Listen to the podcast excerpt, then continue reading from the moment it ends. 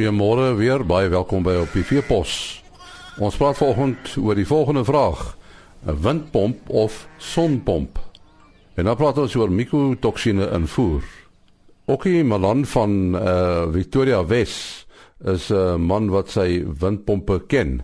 Hy is van O&D windpompe. Uh, Windpompe sover ek kan onthou, okie uh, is al solank as wat uh, die geskiedenis van plase is, nê, nee, in bedryf uh, windpompe en plase is sinoniem, nê. Nee. Ja, nee, windpompe kom al in die Karoo en in ons land al hier uit die 1800s, uit die laat 1800s het die mense begin om windpompe op te sit. Ek werk deesdae nog altyd ek het nou die dag weer 'n windpomp gekry wat 1922 geïnstalleer is en die eerste keer aan sy kop aan sy meganiese dele gewerk word. So 'n baie ekonomiese manier om water te pomp. Ja, nee, dit is dit is definitief 'n baie ekonomiese manier en baie betroubaar ook. Die windpomp tegnologie het intussen ook 'n bietjie verander, né? Nee? Ja. In watter mate?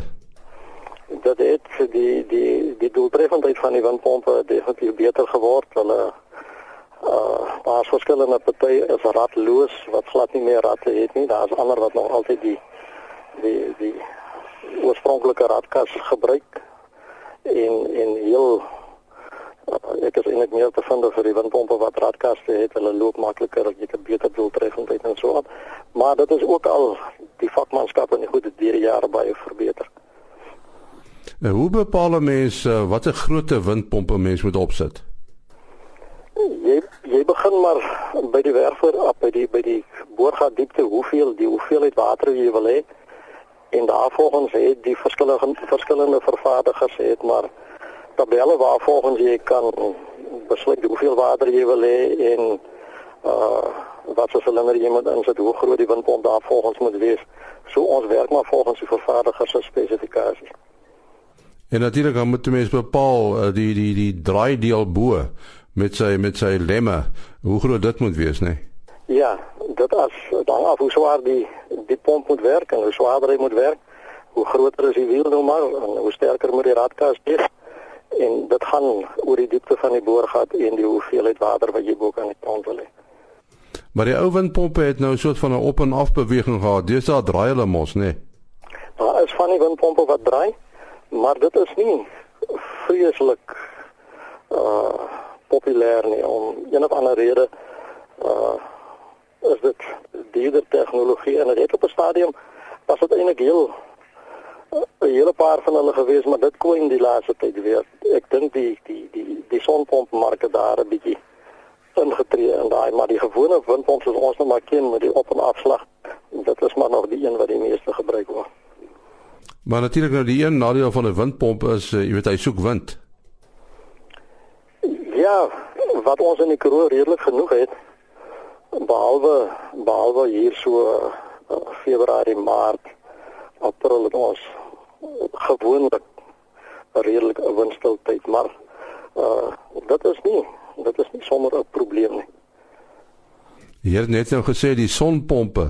Dis nou 'n nuwe tegnologie, heeltemal 'n nuwe ding. Gaan dit die windpomp uitstoot? Uh ek dink in 'n mate sal dit sekere dele daarvan vervang omdat 'n windpomp redelik arbeid verg om aan hom te werk en so aan en jou sonpompe dan nou eintlik baie makliker is een of twee persone kan die ding doen. Dit hang ook maar weer af hoeveel water jy wil hê.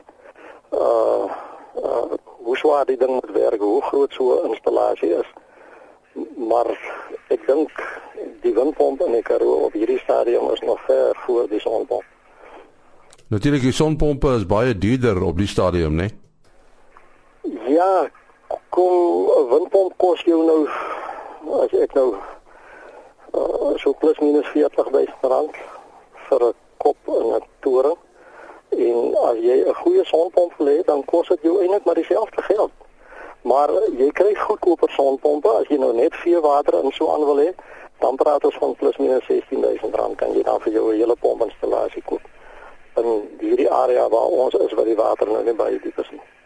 En jy ook nie baie water wil hê nie.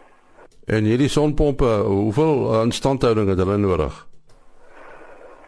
daar is van hulle dan ook maar af wil jy 'n goeie een hê of wil jy wil, wil jy goedkoop koop of duur koop die die die, die goedkoper is dit so plus minus elke 4 jaar dat hulle maar 'n bietjie onderhoud nodig. Uh die dierder pompe gaan dan nie vir jou handelsname en so aandoen nie. Wat ek al tot 12 jaar gelede ingesit en ek het nog nooit weer gewerk aan hulle. En die sonpompe? Dis nou die sonpompe wat ek nou vir jou gaan sê. So is dit al meer as 12 jaar uh, al aan die gang daarmee. Weet jy ek het my eerste sonpomp wat ek as ek reg onthou in 1994 ingesit. En daarna het dit maar so stadig meer geraak en die tegnologie het baie verbeter en hierdie laaste 4, 5 jaar het die sonpomp tegnologie baie baie vooruit gegaan. En watter deel van die pomp is dit wat verbeter het? Is is dit die uh uh die die uh silikonplaat wat wat, wat die son ontvang? Uh dit dit het in 'n mate verbeter, maar dis die die motor wat die wat die wat die pompmeganisme aandryf van my oë wat die meeste wat die meeste verbeter het wat meer doeltreffend geraak het. Uh die ouens het maar gewerk soos vroeër daar so goed wat wat borsels het. Uh deesdae as hulle het dit nie meer nie. Dis heeltemal 'n 'n elektroniese stelsel wat uh jy kan van die goed aan aan Eskom krag koppel en jy kan hom aan sonpanele koppel en hy kan met albei werk en hulle leeftyd is baie langer as anders. En en uh, het mens batterye ook nodig? Nee, dis nie nodig nie. Hy loop direk vanaf die sonpanele. So as daar son is dan pomp hy. As die son daar is, dan loop hy, dan as hy aan die gang. Uh is dit nou 'n stelsel wat wat taamlik uh, gewild word in die Karoo? Ja, dit is dat raak baie gewild, ja. En is daar genoeg materiaal om te voorsien? Ja, sover is dit nie 'n probleem nie. En jy werk aan al twee, né, die ou windpompe en dan die die sonpompe. Ja, ja, dat het die die mark leie mense maar so ek het met die windpompe begin en so is dit toe nou uh die sonpompe en die goed op die mark verskyn het ek my myself geposisioneer om om dit nou maar ook by te bring want enige wat tyd gaan die windpompe minder raak en dan moet mense in staat wees om die ander goed ook te kan doen. Ja, dis 'n groot geheim, mense moet bybly, né? Dit is so. Ook jou telefoonnommer? 053 621 0517 Ons sê baie dankie aan Okkie Malan daar van Victoria Wes. En hy het gesels oor windpompe en sonpompe. 0536210517. Ons gesels nou met uh, Michael Pretorius van Alltech se globale mikotoksine bestuurspan. En uh, ons praat met hom oor die geïntegreerde benadering wat nodig is om die risiko van mikotoksine in voerbronne te bestuur en te beheer. Uh om met die deur in die huis te val Michael, wat is mikotoksine? En ja, baie dankie vir die geleentheid. Ehm um, mikotoksine basies is 'n is 'n toksien of dan nou 'n gifstof wat deur muf of swamme geproduseer word wanneer daai daai muf of daai swam ondisies blootgestel word. So dit is byvoorbeeld onder erge droogte toestande of dan nou oortollige nat uh, weer uh, kan muf en en, en mikotoksine voorkom sowel as uh, sowel as in bergingsprosesse wat dan nou nie wat dan nou nie onder die optimale kondisies plaasvind nie soos wat ons partykeer die geval het met die kuilvoere en so aan. Penicillium is ook 'n baie goeie voorbeeld of 'n algemene bekende voorbeeld van 'n tipe mikotoksien. Ehm um, en ons almal weet van die antibiotiek antibiotika se uh, werking van penicillium. Ehm um, aflatoksine is ook 'n bekende ehm um, mikotoksien waarvan uh, daar kennis gedra word aangesien dit uh, ook kanker veroorsaak kan kanker veroorsakend kan wees in mense. Die mikotoksine kan wel ernstige effek op vee hê uh teen hoë vlakke alhoewel dit baie selde is dat dat ons vind dat dit toksies kan wees. Ehm um, die groter risiko lê by die kroniese effek wat dit op die diere se produksie kan hê en wat dan op die ou einde die boer se winsgewendheid kan beïnvloed. Hoekom uh, stel julle 'n uh, geïntegreerde program en benadering voor vir die hele voerbronwaardeketting? En ja, die die kwessie van mikotoksine is 'n baie komplekse uh, uh probleem en daar is nog baie inligting wat ontbreek uh veral rondom die kwessie van ehm um, hoe om daarvoor te analiseer vir vir watter toksine daar geanaliseer moet word. Ehm um, asook watse vlakke dan nou as gevaarlik uh beskou kan word en watse impak dit op die diere kan hê. Baie van daai inligting ontbreek nog. Ehm um, en uh boere en vervaardigers van veevoere word word gereeld gewaarsku teen mikotoksine en dat dit vir hulle 'n risiko inhou.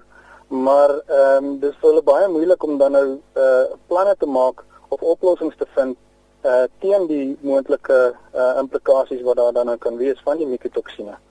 Ehm um, Oltex se program is, is daarin opgestel om baie van die raaiwerk rondom mikotoksien kontaminasie uit te haal. Ehm um, en is 'n baie praktiese en en en word op 'n verstaanbare manier aan die produsent voorgestel. Ehm um, sodat hulle 'n uh, uh, uh, beter idee kan hê van wat hulle werklike risiko is. Ehm um, en dan ook watse uh, teenstappe of dan nou oplossings ehm um, daai uh, probleem vir hulle sal kan oplos.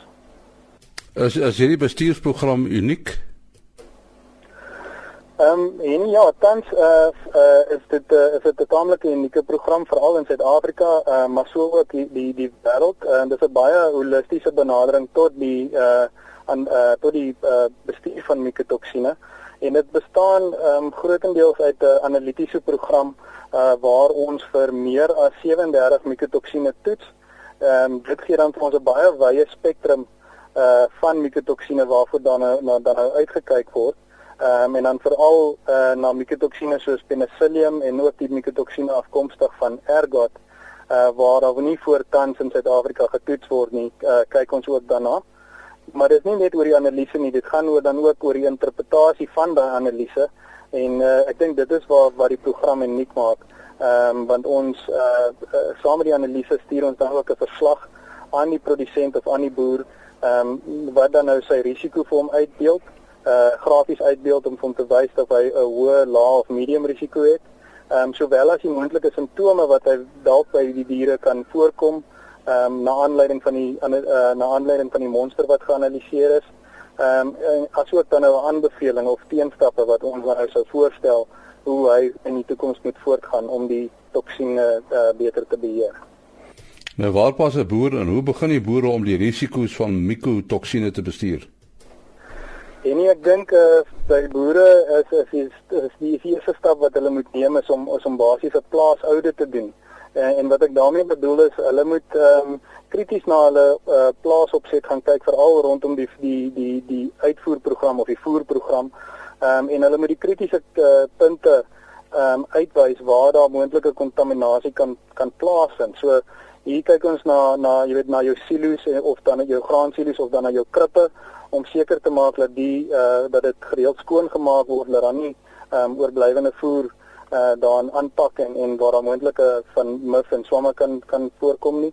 Ehm um, sowel as uh jou roumateriale berging, waar stoor jy jou uh jou klein grane, waar stoor jy jou byprodukte soos jou brouersgrane en die die klas van uh produkte veral dies met hoë voginhoud en dan ook om seker te maak dat jy so min as moontlik oppervlakte van die roumateriale blootstel aan uh, aan weeromstandighede.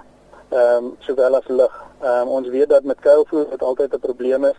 Eh uh, sodra jy die kuilvoerput oopmaak en dit blootstel aan die lig, kry mens dan nou dat dat daar swam en mif groei voorkom. So ek dink dit die belangrike punt vir die boere is om net 'n audit van die plaas te doen op 'n gereelde basis om dan nou te, te bepaal waar lê hulle grootste risiko van mikotoksien kontaminasie op die op die plaas self. En jou telefoonnommer Michael?